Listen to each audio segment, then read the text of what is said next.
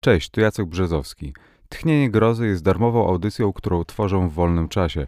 Jeśli chcesz wesprzeć Tchnienie Grozy, wejdź na stronę patronite.pl ukośnik Tchnienie Grozy. Z twoim odtwarzaczem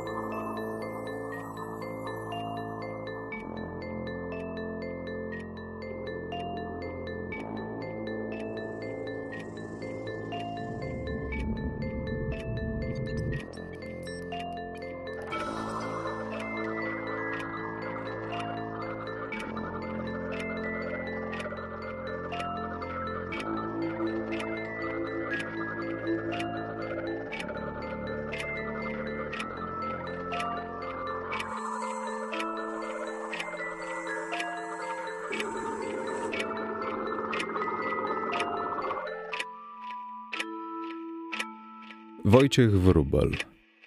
Wyznania w sprawie Heleny. Lay down in the tall grass in a flat bottom boat, lay down and wait for you, with nothing but a piece of rope. Dreaming every night of you, shaking at the sight. I'll be dreaming every night of you, I'll be shaking at the sight of you. Timber, timber, lay down in the tall grass. To wydarzyło się naprawdę. Patrzyłem do końca i żałuję tego, co zrobiłem. Do fatalnego biegu zdarzeń doszło w kaszubskim lesie blisko jeziora Karsińskiego, w okolicy nazywanej Borami Tucholskimi, ze względu na ich w większości bardzo gęste zadrzewienie i charakter w niektórych miejscach przywodzący na myśl dawne uroczyska, na jakie mało kto z nas się obecnie natyka, może poza mieszkańcami Podlasia, które to słynie ze swej dzikiej nieokiełznanej przyrody. Zdarzyło się tak z początkiem zimy, że wraz z przyjaciółmi postanowiliśmy wyruszyć na coś, co wówczas nazywaliśmy przygodą, a co ja obecnie zwę straszliwą pomyłką. Był grudzień, zimny i ciemny, do tego wyjątkowo ponury, gdy spędza się go w obrębie miejskiej zabudowy, gdzie szarość budynków, tumult na ulicach oraz ścisk w publicznych środkach transportu potrafią wydusić z człowieka wszelką pogodę ducha, zostawiając go w stanie równie przygnębiającym jak wyprane z barw niebo. Przykry był to czas, pora umierania. Prawdę rzekłszy, wciąż jest grudzień, gdy piszę te słowa. Nie minęło wiele czasu od dnia, kiedy wyruszyliśmy z Gdańska. Była to, przyznaję szczerze, nie bez poczucia winy moja inicjatywa. Piszę tę kronikę także jako swego rodzaju pokutę. Możliwe, że gdyby nie ten dziwaczny popęd stłamszonego grudniem słabego serca, sprawy przybrałyby inny obrót. Namówiłem moich znakomitych przyjaciół Piotra, Jerzego i Daniela, byśmy wspólnie wyrwali się z zaduchu miejskiej infrastruktury i spędzili czas w swojskim gronie, wyjątkowym dla mnie miejscu, jakim była osada nad jeziorem. Moi druchowie z początku nie byli zbyt przychylnie nastawieni do tego pomysłu, lecz widząc jak zależy mi na tym, by choć na trochę zmienić otoczenie i że coraz bardziej popadam w melancholię, ugięli się. Nie musiałem zdradzać im rzeczywistego powodu mego podłego stanu. Uwierzyli, że źródłem mych trosk jest niechęć do zimy. Nie pytali o nic więcej. Przynajmniej nie pytali naprawdę, chcąc się dowiedzieć. Żadnemu z nich nie przyszło również do głowy, by porozmawiać z Heleną, co poczytywałem za znak opatrzności. Obecnie nie mogę zrozumieć, dlaczego nie starali się o mnie z nią porozmawiać. Jak to się stało, że nie próbowali wejść do mieszkania, przywitać się z nią? Zapewne, gdyby któryś z nich tam wszedł za próg, cała ta marna wyprawa nie doszłaby do skutku. Zostałbym zmuszony do zrozumienia prawdy. W każdym razie wsiedliśmy do niezawodnego samochodu Jerzego i po niecałych dwóch godzinach pełnej żywych konwersacji jazdy dotarliśmy do wynajętego domu. Wydawało się, że sprawy mają się dobrze, dopóki nie spotkaliśmy tego starca. Nie wiedzieliśmy, jak się nazywa, Bogiem a prawdą nie byliśmy nawet pewni, czego od nas oczekuje. Kiedy szliśmy po trunki do jedynego w okolicy otwartego sklepu przez pokrytą grubą warstwą lodu ulicą, zobaczyliśmy, jak nadciąga z przeciwnej strony drogi. Wynurzył się spod mostu, łączącego dwa brzegi rzeczki wpływającej do wspomnianego już jeziora, jednego z większych w tej leśnej krainie. Poczłapał zgarbiono, puściwszy właśnie swoją norę, jak gdyby wypatrzył nas stamtąd i uznał za odpowiednie ofiary. Prędko zdaliśmy sobie sprawę z tego, na co się zbiera. Przynajmniej tak nam się wydawało, a Piotr, najstarszy wykazujący się największą bezpośredniością spośród naszej czwórki, wystąpił naprzód. Zatrzymaliśmy się na poboczu zaskorupiałego mrozem i śniegiem asfaltu, patrząc na Piotra, który zdawał się już szykować do odgonienia natręta. Napiął swoje potężne muskuły rzeźbiarza na etacie w warszawskiej akademii, pochylił czoło. Starzec chyba przeczuł, na co się zbiera. Również się zatrzymał i mierzyliśmy się nieufnymi spojrzeniami. Wiatr zacinał bezlitośnie i wszyscy żeśmy się trzęśli z zimna. Wszyscy, prócz Piotra, w którego nagle jakby wstąpiły nowe siły. Poczuł się odpowiedzialny za naszą małą kompanię. Zawołał gromko do starca, a tamten skulił się w sobie, tak że przypominał już wyłącznie zbłąkanego w tej zawierusze stracha na wróble, po czym odwrócił się i oddalił. Nie wrócił jednak pod most, ale udał się w stronę rosnącego nieopodal brzozowego lasku. Rozpłynął się w bielach i szarościach. Piotr był z siebie zadowolony, pokraśniał wyraźnie. Nasi koledzy chwalili go z lekko tylko zabarwionym ironią śmiechem i ja, jako jedyny, zganiłem go za to, że niepotrzebnie przegonił biedaka. Starzec wydawał mi się bowiem wówczas nikim więcej ponad proszalnego dziada, co najwyżej nieco irytującego, ale nie stanowiącego prawdziwego zagrożenia. Gdym powiedział to Piotrowi, ten spoważniał, uniósł wskazujący palec i skierował go w moją stronę, jak nauczyciel pouczający sztubaka. Tacy jak on, to czarcie nasienie, stwierdził patrząc mi w oczy. Lepiej by trzymał się z daleka. Wyśmiałem go. Dotychczas właściwie tak jak tu teraz siedzę przy stole, z twarzą zwróconą w stronę drzwi i okien, tak by dostrzec każde, choćby najdrobniejsze poruszenie na zewnątrz, nie nabrałem, choć powinienem, pewności, który z nas tragicznie się pomylił. Zakupiliśmy to, co chcieliśmy i pożegnawszy się z uroczą młodą kasjerką, do której jeży czas jeszcze jakiś stroj miny, nim wyszliśmy z powrotem na mróz, Daniel zaproponował, byśmy wrócili do naszej siedziby okrężną drogą. Niezbyt mi ten pomysł przypadł do gustu, podobnie Piotrowi, który rozglądał się uważnie wokół, jakby próbował coś wypatrzeć poprzez ruchomą ścianę zawiei. Nikt prócz mnie nie zwrócił uwagi na zachowanie Piotra, specjalnej uwagi. Żartowali jeszcze, ciągle podekscytowani jak mali chłopcy spotkaniem w sklepie z błękitną oką dziewczyną. Teraz wyda ci się to, czytelniku, lekkomyślnością z mojej strony, że postanowiłem zignorować niepokój zarówno swój, jak i Piotra, nie podejmując tego tematu. Niestety, jak to zazwyczaj bywa w podobnych sytuacjach, niezbędną wiedzę nabywamy po nie w czasie. Ruszyliśmy więc na drugi brzeg jeziora, mijając po drodze zamknięte wypożyczalnie kajaków, restauracje i lodziarnie. Cały ten świat wspaniałych atrakcji, który otwiera swoje podwoje dla turystów, gdy słońce jest wysoko, a szczęście w ludziach osiąga zenit. Dla nas pozostawał zatrzaśnięty na cztery spusty, podobny hibernującej bestii. A pamiętałem przecież, jak okolica tętniła życiem, radością i światłem, Teraz to ledwie echo dobywające się z krainy cieni wraz z głosem tęsknoty mojej Heleny. Zaszło słońce, świat opustoszał. Została kraina mrozu, pozbawione łaski pustkowie, rozciągające się między polodowcowymi morenami, głęboko w leśnych odmętach. Czasem przemknęła między rzadkimi gospodarskimi zabudowaniami jakaś ogorzała wieśniacza twarz, innym razem w oddali na straszliwie popiskującym rowerze pojawił się zimowy cyklista.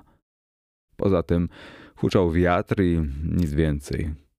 Nie byłoby w tej atmosferze nic nazbyt niepokojącego. Nie był to w końcu pierwszy raz, gdy wyruszyłem na wieś o tej porze roku. Prawdziwe zagrożenie poczułem dopiero wówczas, gdy napotkawszy na swojej drodze sporych rozmiarów rezydencję położoną tuż przy brzegu jeziora, zmuszeni zostaliśmy do tego, by odbić głębiej w knieję. Dni, jak to w tym miesiącu bywa, pozostawały krótkie. Wkrótce, w przeciągu godziny bądź dwóch, miała więc nadejść zupełna, nieprzebrana ciemność. Zaproponowałem nieśmiało towarzyszom, byśmy zawrócili, lecz nigdy z nich poza Piotrem nie chciał o tym słyszeć. Wyśmienicie się bawili, mierząc swą wyćwiczoną na siłowniach tężyznę fizyczną z potęgą bezlitosnych sił przyrody. Wyśmiali moje obawy, dodając przy tym nie bez słuszności, że to przecież ja od początku byłem tym, który namawiał ich do tego spontanicznego przedświątecznego urlopu. Zachęcali pamiętam doskonale ich słowa, wyluzował się. I dodali, że jak będę się tak wszystkim przejmował, to jeszcze Helena mnie zostawi. Zalacha mnie żółć, gdy usłyszałem, jak przywołują jej imię, lecz nic nie powiedziałem. Podążałem za nimi bez głębszej refleksji, pragnąc jedynie, bym nie wyszedł na tego, który tchórzy ze względu na brak charakteru. Owszem, przepadałem za przechadzkami na łonie natury, również w to, co przeciętnemu mieszkańcowi miasta wydać by się mogło niepogodą. Nad tym spacerem przez powoli ogarnianą całunem mroku wieś zdawało się jednak wisieć jakieś fatum. Przeczucie stało się tak mocne i paraliżujące zarazem, iż choć wiedziałem, że muszę ostrzec mych druchów, nie mogłem wyrzec słowa. Ciągnąłem stopę za stopą przez nieudeptany śnieg, słuchając śmiechów i dowcipnych sprzeczek Daniela z Jerzym, mając wrażenie, jak gdybyśmy wszyscy czterej kierowali się ku zgubie. Pamiętam, że myślałem o Helenie, nie mogąc zrozumieć, co jej zrobiłem i jak ci, których miałem za przyjaciół, mogą stroić sobie podobne żarty. Nie wiedzieli przecież, nie znali prawdy, ale zdawali sobie chyba sprawę z tego, jak bardzo ją kochałem. I ona mnie kochała, drogi czytelniku. Wtem Daniel krzyknął, chwycił Jerzego za ramię. Zatrzymaliśmy się gwałtownie. Piotr nie wiedział, co się dzieje, zawołał ze złością na Daniela, sądząc, że ten sobie z nas dworuje. W pół słowa przerwał jednak. Staruszek stał tam, nie mogliśmy zobaczyć jego twarzy, niemniej jasnym było, że to on. Ciemna sylweta między drzewami wspierająca się o pień świerku. Na głowie czapka, uszatka, na ramiona naciągnięta, postrzępiona kurtka. Nikt z nas nie śmiał się ruszyć. Tajemniczy starzec również nie postępował w naszą stronę. Trwaliśmy w swoistym impasie, dopóki Piotr nie drgnął i jako pierwszy nie wyrwał się z mrocznego słupienia. Czego chcesz? Ryknął. Na to starzec oderwał się od drzewa, poruszył naprzód i skrzypiąc gumiakami na śniegu zbliżył się w naszą stronę. Panowie, ja na chleb zbieram. We wsi ludzie złe, nie dadzą ani grosza, a wam młodzi z oczu dobrze wygląda. Te słowa zabrzmiały w moich uszach jako swoiste przeciwieństwo okrutnej klątwy, jaką gdzieś w głębinach jaźni spodziewałem się z jego ust usłyszeć. Być może w ten sposób ośmielony stanąłem obok Piotra i pochyliłem się w kierunku starca. Muszę wyznać w tym momencie, że nie wydał mi się on całkowicie obcy, chociaż bez cienia wątpliwości nie znałem go. Miał w swojej pobrużdżonej czasem twarzy, w pociorkowatych oczkach i długim, haczykowatym, jakby ptasim nosie coś znajomego, do tego stopnia nasuwającego dawne skojarzenia, iż przez krótkie mgnienie oka przypominał mi jak gdyby zaginionego przed laty, nigdy nie widzianego krewniaka. Rozlewające się gdzieś w piersi ciepło i nagła, wykwitła, zdawałoby się znikąd. Sympatia w stosunku do tego włóczęgi zastąpiona została śladem lęku, jakiego czasem się doświadcza na skutek podobnego déjà vu, bo musisz wiedzieć, czytelniku, że tego pokroju doświadczeniem była ta mglista reminiscencja, której doświadczyłem. Moi kompani, również rozluźnieni i odrobinę zażenowani swoim przestrachem, zaśmiali się chrapliwie, co, jak wierzą, nie wynikało z ich złośliwości względem starca, a jedynie potrzeby rozładowania napięcia. Ja tymczasem ponownie postąpiłem do tyłu, zdjęty pomieszaniem wynikającym z pozorów czegoś znajomego w obliczu tego wynędzniałego człowieka. Na chleb? Po lasach za nami łazisz, śledzisz nas, żeby jałmużnę wyłudzić? To rzekł Daniel, którego strach zdjął chyba najbardziej. Teraz pragnął się za to odegrać na żebraku. Wiatr zahuczał w konarach drzew, z ziemi podniosły się tumany śnieżnego pyłu, który pchał się w oczy, nozdrza do uszu. Mocniej naciągnąłem na głowę czapkę, owinąłem twarz szalikiem. Nie pomogło. Ciągle mróz gryzł ciało, doskorbywał się ostrym językiem aż do kości. Drżałem, stojąc pod bezlistnym sklepieniem drzew, czując, że sama zima chce mnie tutaj w dziczy poszreć. Co nie tak, panie dobry? Nie? Piotr stanął nad żebrakiem, bardzo blisko. Mężczyzna zgarbiony, z ramionami opuszczonymi wzdłuż ciała, z twarzą nieruchomą jak kamienna rzeźba, nie zareagował. Tylko w jego głosie mogliśmy, stojąc tam w bieli, usłyszeć tę niepewność, wahanie. Owe niechybne symptomy człowieczeństwa w tej dziwnej istocie. Ludzie, kochani! Tym razem słowa przebrzmiewały rozpaczą, surowym, dawno wstrzymywanym żalem, który w końcu, gdy pomarańczowa obręcz światła opadła za horyzont w obliczu nas, nieznajomych, wyrwał się na zewnątrz i kąsał swoją szczerością. Jestem głodny, nie mam nikogo. Pomóżcie, błagam. Wydana jabola, mruknął do mnie Jerzy, a ja tylko pokiwałem bezmyślnie głową, nie mogąc zdobyć się na żaden gest więcej. Bowiem wpatrywałem się intensywnie w blade, przygasłe oczy, przyglądałem się spękanym od mrozu wargom przeoranym cieniami policzkom. Spróbowałem dojrzeć w nich prawdę o tym, kim ten człowiek naprawdę jest i czy naprawdę go nie znam, czy nigdy wcześniej go nie widziałem. Musisz wiedzieć, czytelniku, że była to moja druga wizyta nad jeziorem karsińskim i podczas pierwszej, jeszcze krótszej, nie miałem wiele okazji do zapoznania się z lokalną ludnością, ponieważ razem z Heleną nazbyt byliśmy zajęci sobą. W trakcie tych długich, upalnych popołudni i chłodnych nocy wypełnionych żarem jej różowego, jedrnego ciała.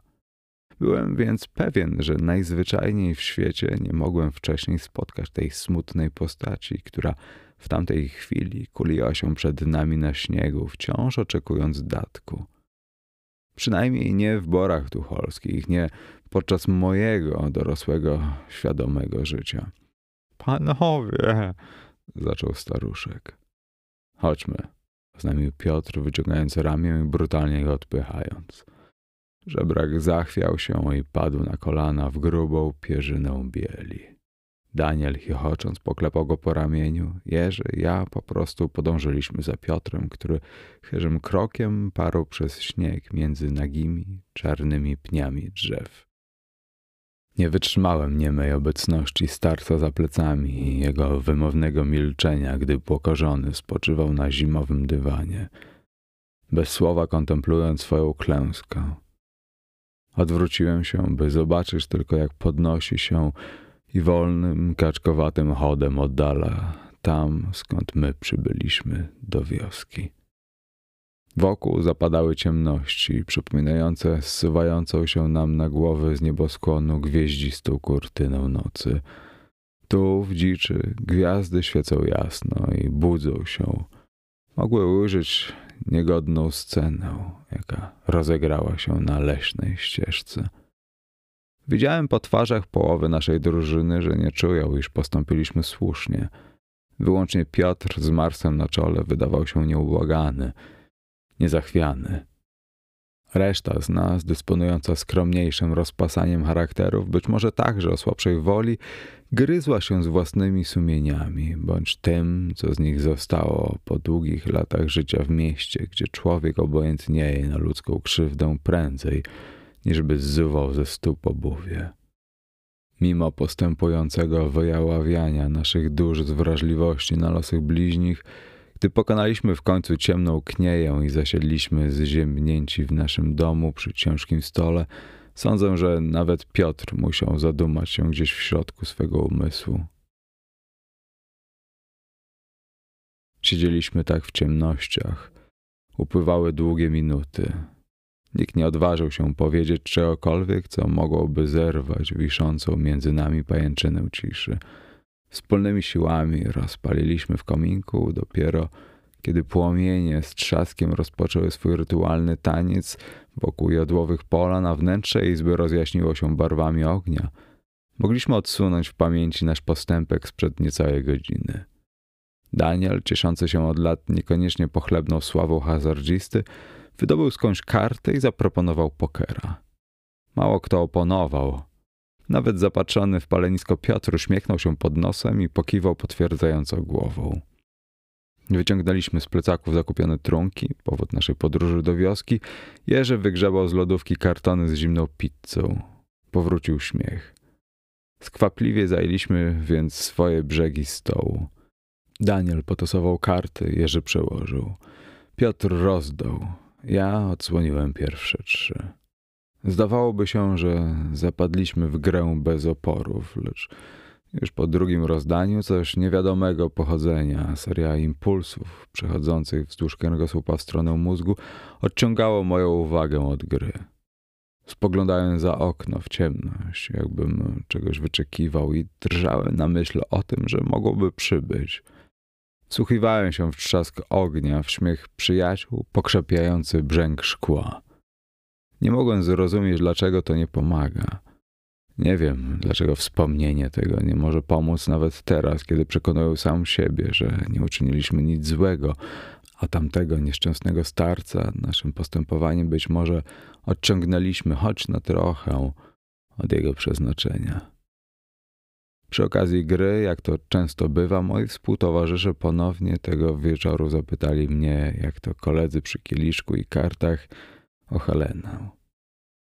Starałem się odciągnąć ich od tego tematu. Wiłem się wręcz jak piskosz, byśmy konwersowali o czym innym.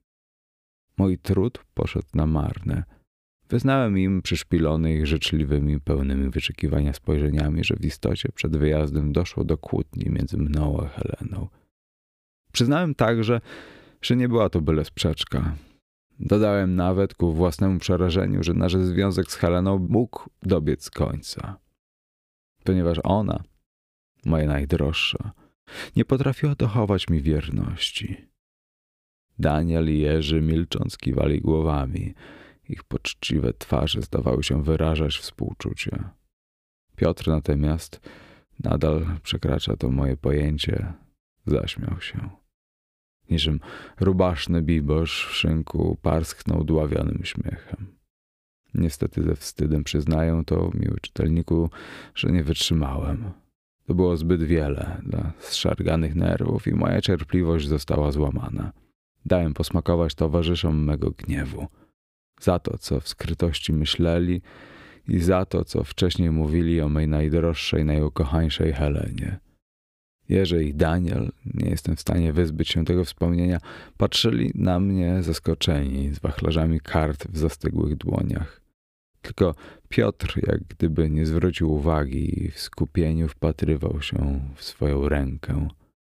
Nie uśmiechał się już, chciał kontynuować grę.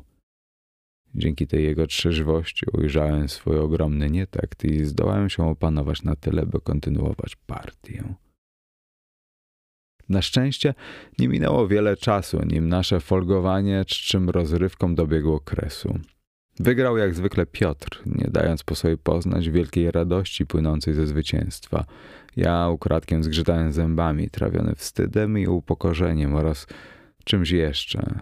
Czymś, czego im nie wyznałem, choć prawdopodobnie powinienem. Posnęliśmy wkrótce zmęczeni wędrówką i innymi licznymi przecież przygodami, jakie można przeżywać tu z dala od naszych bezpiecznych, izolowanych habitatów, blisko spotkania z prawdą, gdzie odkrywają się owe niechciane les fauve naszej ukrytej natury. To właśnie tam znalazłem tajemnicę, przed którą starałem się uciec. Fakt ten zakrawa na niezwykłą ironię, by nie rzec złośliwość losu, który za pomocą swych przebiegłych sztuczek sprawił, że miejsce, które w mojej wyobraźni jawiło się jako schronienie, stało się w istocie więzieniem, rodzajem czyśćca wydobywającego na powierzchnię duszy całą mą niegodziwość. Czy stało się tak za sprawą starca, tego wiejskiego przybłędy, w którego nędzy jak w zwierciadle sami siebie ujrzeliśmy? Ja siebie ujrzałem? Bez względu na to, jaka była ostateczna przyczyna, następnego dnia moi druchowie zebrawszy się koło południa z legowisk, każdy jeden, ściśnięty w szponach bezlitosnego Kaceniamera, stoczyli się po schodach z małego pięterka i oznajmili mi, jedzącego skromne śniadanie przy stole, że nie wytrzymają dłużej w tym lodowym piekle. Po tym, jak otrząsnąłem się ze zdumienia i zacząłem protestować, było już za późno. Zapakowali sakwojarze do auta Jerzego, po czym zajęli się wykopywaniem wąskiego przesmyku pomiędzy dwiema potężnymi zaspami, jakie przycupnęły niczym dwa zimowe cerbery wzdłuż tego, co jeszcze parę dni temu było zupełnie przejezdną drogą prowadzącą z powrotem do cywilizacji. Ludzie, których niedawno brałem za kompanów, tak się najwyraźniej stęsknili za jej wygodami, iż bez reszty zapomnieli, czym jest lojalność. Zapomnieli, jak jeszcze w Gdańsku w objęciach melancholii, za łzami radości w oczach, przy stoliku w knajpie dziękowałem im. Być może nad wyraz wylewnie, za to, że zgodzili się ze mną wyruszyć. Uśmiechali się wtedy i twierdzili nie bez niewymuszonej serdeczności, że nie jest to dla nich żaden problem i przecież by mi nie odmówili. Skoro ostatecznie mą wdzięczność mieli za nic, Cóż mogłem uczynić? Daniel i Jerzy ze skruszonymi minami pożegnali się ze mną. Życzyli, bym odpoczął, a następnie z kiepsko ukrywanym pośpiechem wsiedli do samochodu. Piotr z ociąganiem podniósł się z krzesła, spojrzał mi w oczy. Miał już na sobie swoją puchową kurtkę, na głowie nasadził futrzaną czapę. Uśmiechnął się do mnie półgębkiem. Przez niemal minutę żaden z nas nie wypowiedział słowa. Zwyczajnie mierzyliśmy się spojrzeniami i wydawało mi się, że się rozumiemy, że Piotr nie chce jechać, ale z jakiegoś zagadkowego dla mnie powodu uważa to za konieczne. Oczywiście, tak uważam teraz, gdy piszę te słowa. Nie mogę być pewny, co myślałem naprawdę. Ciągle zaglądając w mojej źrenicy, wyciągnął swoją ciężką prawą dłoń i uścisnął moją nieco drobniejszą. Uważaj na siebie, przykazał. Stwory nocy dybią za każdym rogiem.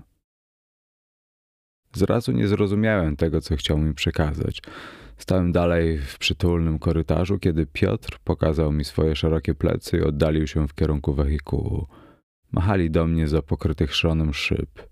Daniel, który siedział z tyłu, machał wciąż, gdy zjeżdżali w dół wzgórza, machał aż do momentu, gdy zniknęli za zakrętem. Wyglądałem za nimi z progu, zdolny wyłącznie do tego, by unieść rękę w pożegnalnym geście. Poza tym sparaliżowany.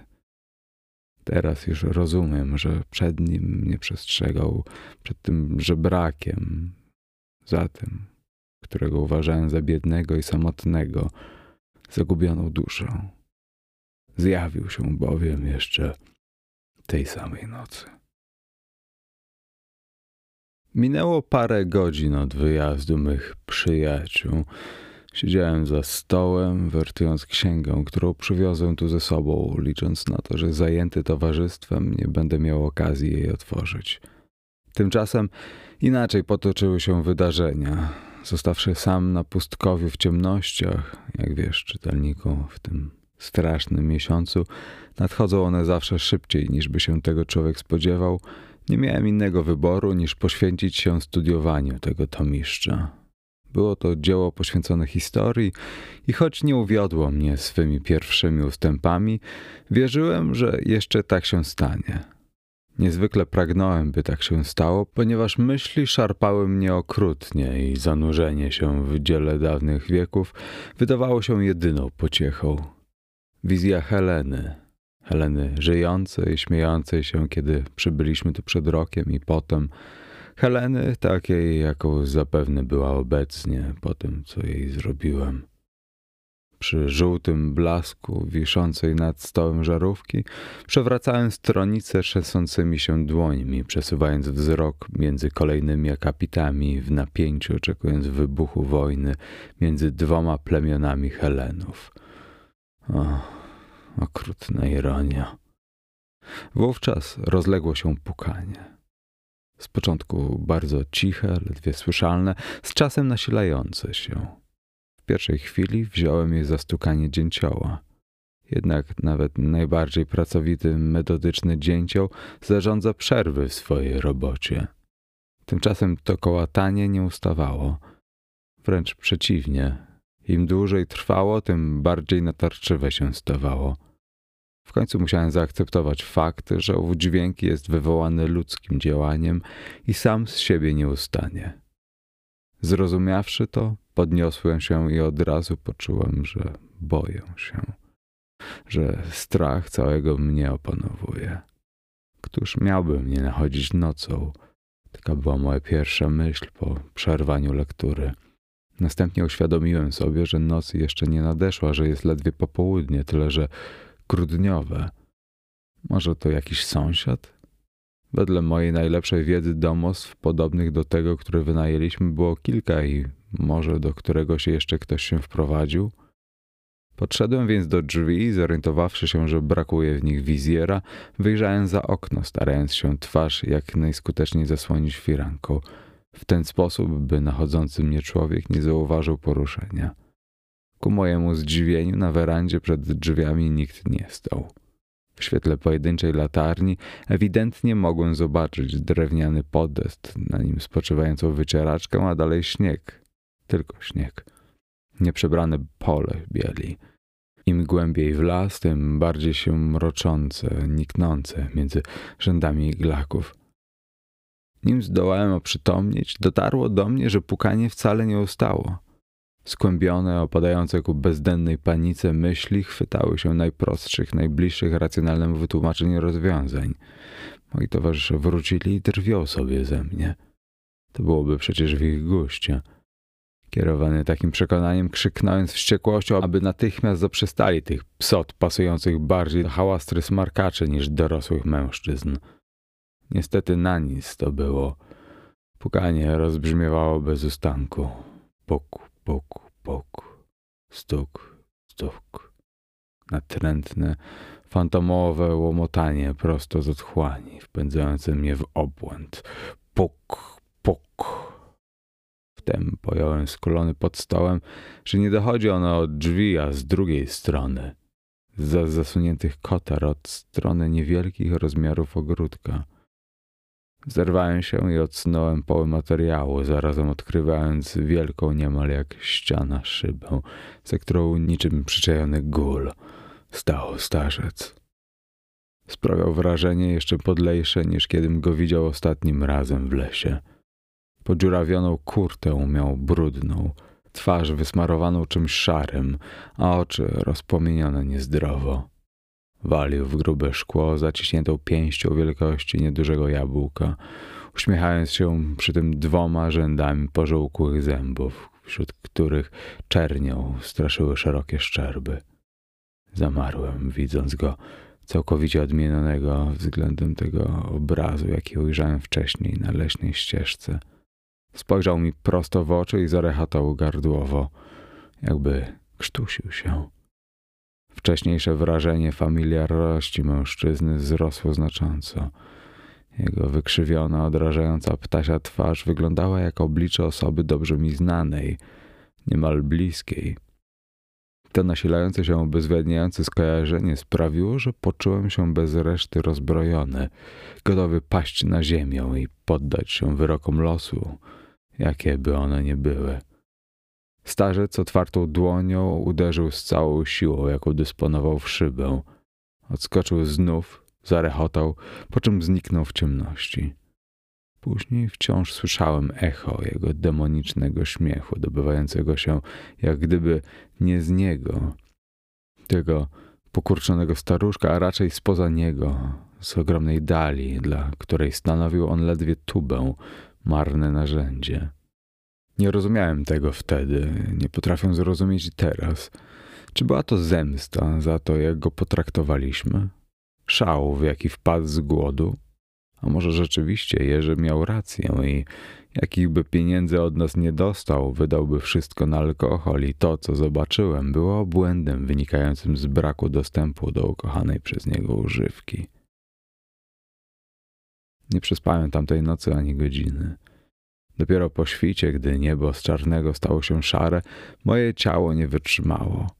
Głowa opadła na stół, powieki zatrzasnęły się na podobieństwo stalowych żaluzji. Otworzyły się dopiero, kiedy zmierzchało i przez moment sądziłem, że zmrużyłem oczy tylko na kilka minut. Spojrzawszy jednak na wiszący nad kominkiem zegar, uświadomiłem sobie, że minęło dobrych kilka godzin.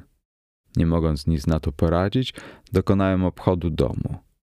Korzystając z ostatków światła dziennego, wyszedłem na zewnątrz i znalazłem ślady na śniegu, jakie zostawił po sobie staruch. Nie były to więc przewidzenia, majaki zmęczonego umysłu. Wróciłem do środka, sięgnąłem po leżący przy drwach pogrzebacz i powróciłem do odcisków gumiaków. Rozglądając się w stanie najwyższej czujności, podążyłem za nimi aż do sosnowego zagajnika. Tam ślady się urywały, lecz wśród rozrzuconych zasp śnieżnych w odkrytej leśnej ściółce znalazłem niewielki przedmiot. Kaszmirową chustę nasączoną zapachem egzotycznych perfum. Przedmiot ów zupełnie nie pasował w moich oczach do zabiedzonego i skądinąd mocno zakorzenionego w lokalnej kulturze ubioru oszalałego starca. Zabrałem chustę ze sobą do domu – Zatrzasnąłem drzwi, przekręciłem wszystkie możliwe zamki i zasiadłem przed przygasającym kominkiem, kontemplując znalezisko. Ono również z czymś mi się kojarzyło. Zanurzyłem twarz w ten niepozorny kawałek materiału. Pociągnąłem nozdrzami. Wtedy sobie przypomniałem i było to jak grom, jak młot, który przebudził naraz każdy ze zmysłów. Owa ulotna woń, jak gdyby hinduskich przypraw, kadzideł i czegoś jeszcze, czego nie potrafiłem nazwać. To był zapach zeszłego lata. Wdychałem ją przez te kilka cudownych dni, gdy razem z Heleną przyjechaliśmy zanurzyć się w ciemnych wodach jeziora i nasycić oczy zielenią.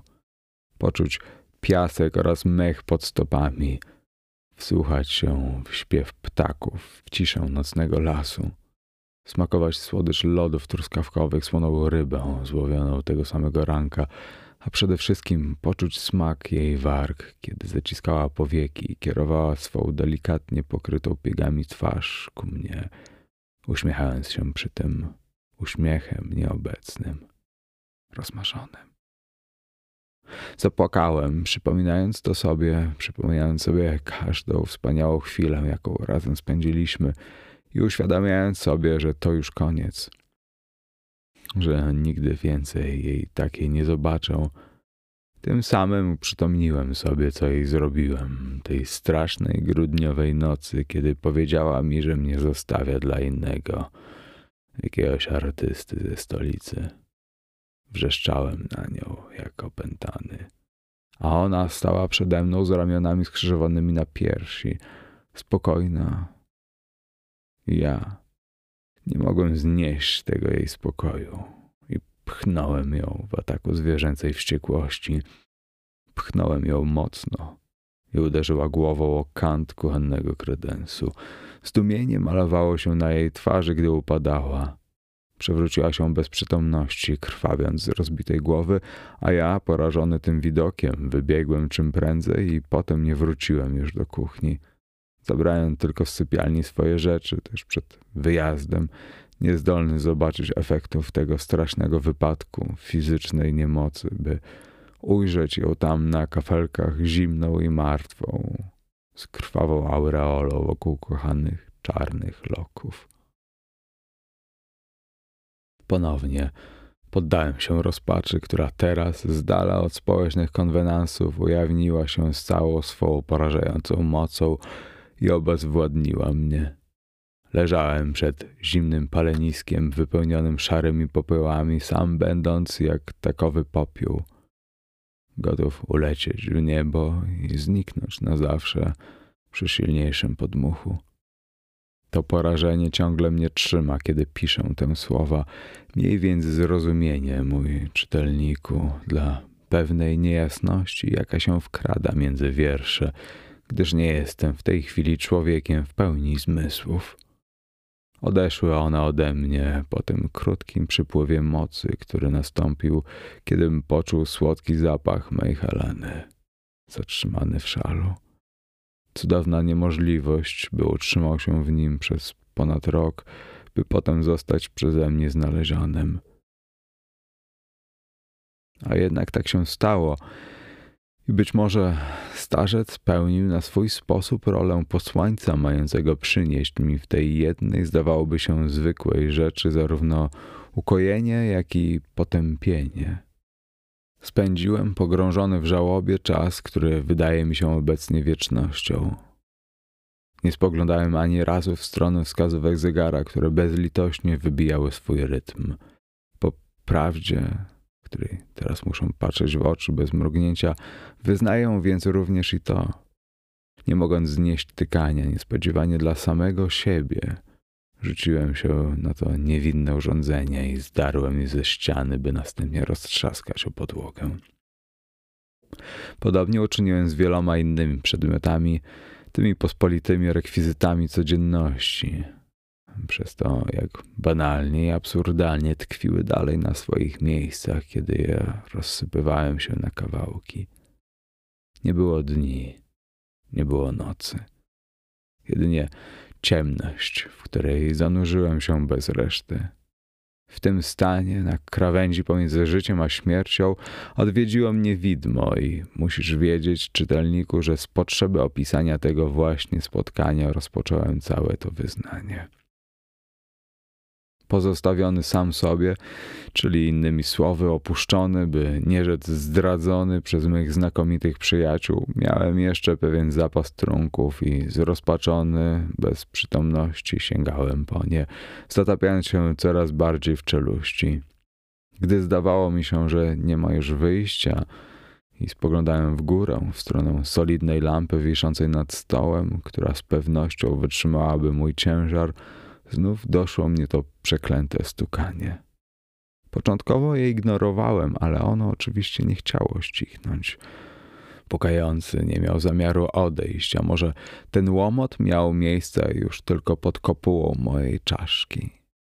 Zerwałem się, odnalazłem wśród roztrzaskanych rupieci czarne żelazo po grzebaczach, zataczając się na nogach jak na tyczkach dopadłem drzwi, gotów na miejscu roztrzaskać temu przebrzydłemu żebrakowi jego pusty czerep. Drżącymi dłońmi odblokowałem zamki, unosząc nad głową narzędzie potencjalnej zbrodni, pociągnąłem drzwi. Pogrzebacz wypadł mi z dłoni. Kolana mi się ugięły. Przede mną na progu nie stał nikt inny niż Helena, moja ukochana. Wynurzała się z ciemności w czarnym płaszczu, z twarzą poważną, bladą, owianą snopem zimnego światła. Gdy ją zobaczyłem, wziął mnie we władanie szloch tak potężny, iż niezdolny byłem wyrzec słowa. Pragnąłem jedynie paść jej do stóp, błagać zmiłowania, błagać, by do mnie powróciła.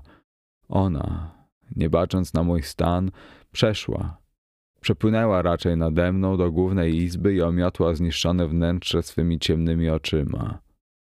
Zebrałem się na odwagę, opanowawszy nieco i podniosłem z kolan. Teraz gotów prosić wybaczenia. Moja Erynia nie po to jednak mnie nawiedziła, by wysłuchiwać mych jęków. Wydawała się zimna i nieobecna, kiedy w końcu zaszczyciła mnie spojrzeniem, ujrzałem piękne dotychczas oblicze mojej Heleny, upiornie zniekształcone, zsiniałe i mroczne. Wyzierały z niego dwa czarne kamienie, niegdyś para urzekających tęczówek. Teraz elementy upiornej maski. Jej wciąż kształtne usta rozwarły się i zaczęły wypływać z nich słowa, których nie mogłem zrozumieć. Coś o mych druchach, o jakichś telefonach, o tym, że coś nagadałem nie wiem komu. Była to iście demoniczna kakofonia, nie do zniesienia dla kogoś takiego jak ja, kogo sumienie i tak już zostało rozerwane na strzępy. by później szczernieć i rozpaść się od goryczy i żalu. Zasłoniłem uszy i krzycząc pobiegłem na górę, by tam schronić się przed zjawą, która w okrutny sposób obrażała pamięć o mej ukochanej. Widmo za nic miało me błagania. Podążało krok za mną, sunąc po stopniach i wyjąc do moich uszu. Jakimś sposobem zdołałem dopaść szczytu schodów i kiedy wyczerpany do granic możliwości chciałem zatrzasnąć ze sobą drzwi sypialni, łudząc się, że tak schowam się przed owym demonem zemsty, ona, cień mej ukochanej, schwyciła mnie za ramię. Czując jej palce, tak podobne do palców żywej Heleny, wyrwałem się z wrzaskiem i wiedząc na co się ważę, odepchnąłem widmo. Moja ręka, zamiast przeniknąć przez nie na wskroś, dotknęła twardej materii. Upiór zawył, a ja, nie oglądając się za siebie, wreszcie zdołałem zamknąć się w pokoju. Jak ziemny robak wcisnąłem się pod największe ze znajdujących się tam łóżek i z zamkniętymi oczami i zasłoniętymi uszami czekałem nadejścia upiora. Gdy nie nadchodził, zebrałem się w sobie i wychynąłem z podłóżka. Z głową przyciśniętą do drzwi nasłuchiwałem potępieńczych odgłosów. Najpierw dochodziła do mnie tylko cisza, nieskończone milczenie pozostawionej samej sobie przyrody, tam na zewnątrz, za cienkimi ścianami domu. Odczekałem długi czas i kiedy wydawało mi się, że widmo odeszło, do moich uszu dotarło szuranie. Potem jęk, niski, zduszony i przeciągły, uchyliłem drzwi do sypialni. Spojrzałem w dół schodów. Stał za progiem ten potępieniec, za jego plecami wrota otwarte w otchłań. Zgarbił się dziwacznie ze swoim dziobowatym nosem pochylonym nad stertą szmat. Bełkotał coś, potrząsając głową w czapie. Stąpając ostrożnie, wynurzyłem się na schody i uważając, by z desek nie dobyło się choćby najcichsze skrzypienie, zsunąłem się w jego stronę wzdłuż poręczy. Podniósł głowę dopiero gdym był przy nim. Nerwowym ruchem ściągnął uszatkę, odsłaniając gestą czuprynę kruczoczarnych włosów. Niemal tak czarnych jak włosy mojej Heleny. Patrząc mi z lękiem w oczy, mrucząc pod nosem, pokazywał na to coś na stos ubrań leżący u podnóża schodów. Mając starca na oku, zerknąłem na niego i dopiero po chwili dotarło do mnie, co widzę. Helena, taka jaką ją zobaczyłem ostatnim razem w naszym mieszkaniu, jej twarz w pierścieniu bujnych loków z zeszklonym spojrzeniem utkwionym w suficie. Czerwień wypływająca z jej ślicznej głowy rozlewała się promieniście po deskach. miałem, podnosząc spojrzenie z powrotem na żebraka. On, widząc mój wzrok, musiał zrozumieć i kroczył już do tyłu, w stronę otwartej drzwi, przez które wpadał śnieg. Białe płatki wyryjąc opadały na podłogę i tam rozpuszczały się. Nie chciałem pozwolić sercowi uciec, ale on rzucił się do biegu. Mogłem tylko złapać powietrze i podparto framugę wpatrzyć się w ciemność, z której dobiegały mnie słowa wypowiedziane skrzekliwym głosem Nigdy więcej, nigdy więcej. Nie wiem, jak już wcześniej powtarzałem, Jaka dokładnie była jego rola w tym ciągu tragicznych wypadków? Czy był kimś więcej niż tylko zwykłym starcem i przywołał ciało mojej ukochanej i jej upiora, by pokazać mi, że nie mogę uciec przed konsekwencjami mych działań, choćby i były przypadkowe? Czy ta myśl także pojawia się w mojej udręczonej, porażonej duszy, to on ją zamordował w zemście za grzechy moje i mych towarzyszy? Za nasz brak miłosierdzia? Te pytania nie przestają mnie dręczyć. Od kiedy zacząłem pisać, nie zjawił się ponownie. Podejrzewam, że odszedł na zawsze. Potem jak zniknął, klęknąłem nad moją kochaną i zapłakałem raz jeszcze. Potem jej ciało ułożyłem na stole. Widzę je teraz całkiem już białe, porcelanowe, jak porcelana zimne, sztywne jest tak, jak gdybyśmy znów byli we dwoje w naszym mieszkaniu, albo raczej jak rok temu podczas naszego pierwszego wspólnego lata. Gdy nie patrzę za okna, gdzie panuje mrok i mróz, niech na wieczność przeklęty będzie grudzień, prawie mogę uwierzyć, że tak jest. To już wszystko, co mam do napisania. W domu jest zimno. Na zewnątrz panuje zamieć, za sprawą której do środka dostaje się coraz więcej śnieżnego pyłu. Nie ma sensu, bym dłużej się wstrzymywał. Znalazłem w kuchennym schowku porządny konopny sznur. Sądzę, że lampa wytrzyma. Muszę w to uwierzyć. Drogi czytelniku, czego byś o mnie nie myślał po przeczytaniu tego wyznania, wiedz, że to był wypadek. Heleno, ukochana, niedługo znów się spotkamy, tam gdzie zawsze jest lato. Muzyka Błażej Lindner Jacek Brzezowski czytał Jacek Brzezowski. Cześć, tu Jacek. Jeśli spodobało Ci się Tchnienie Grozy i lubisz historię oraz gry fabularne, a może chcesz się nimi zainteresować, to zapraszam Ciebie na swój drugi podcast 6, 10, 12. Pisane osobno cyframi jako 6, odstęp 10, odstęp 12 do znalezienia na YouTube oraz Spotify, a także innych platformach. Zapraszam serdecznie do słuchania.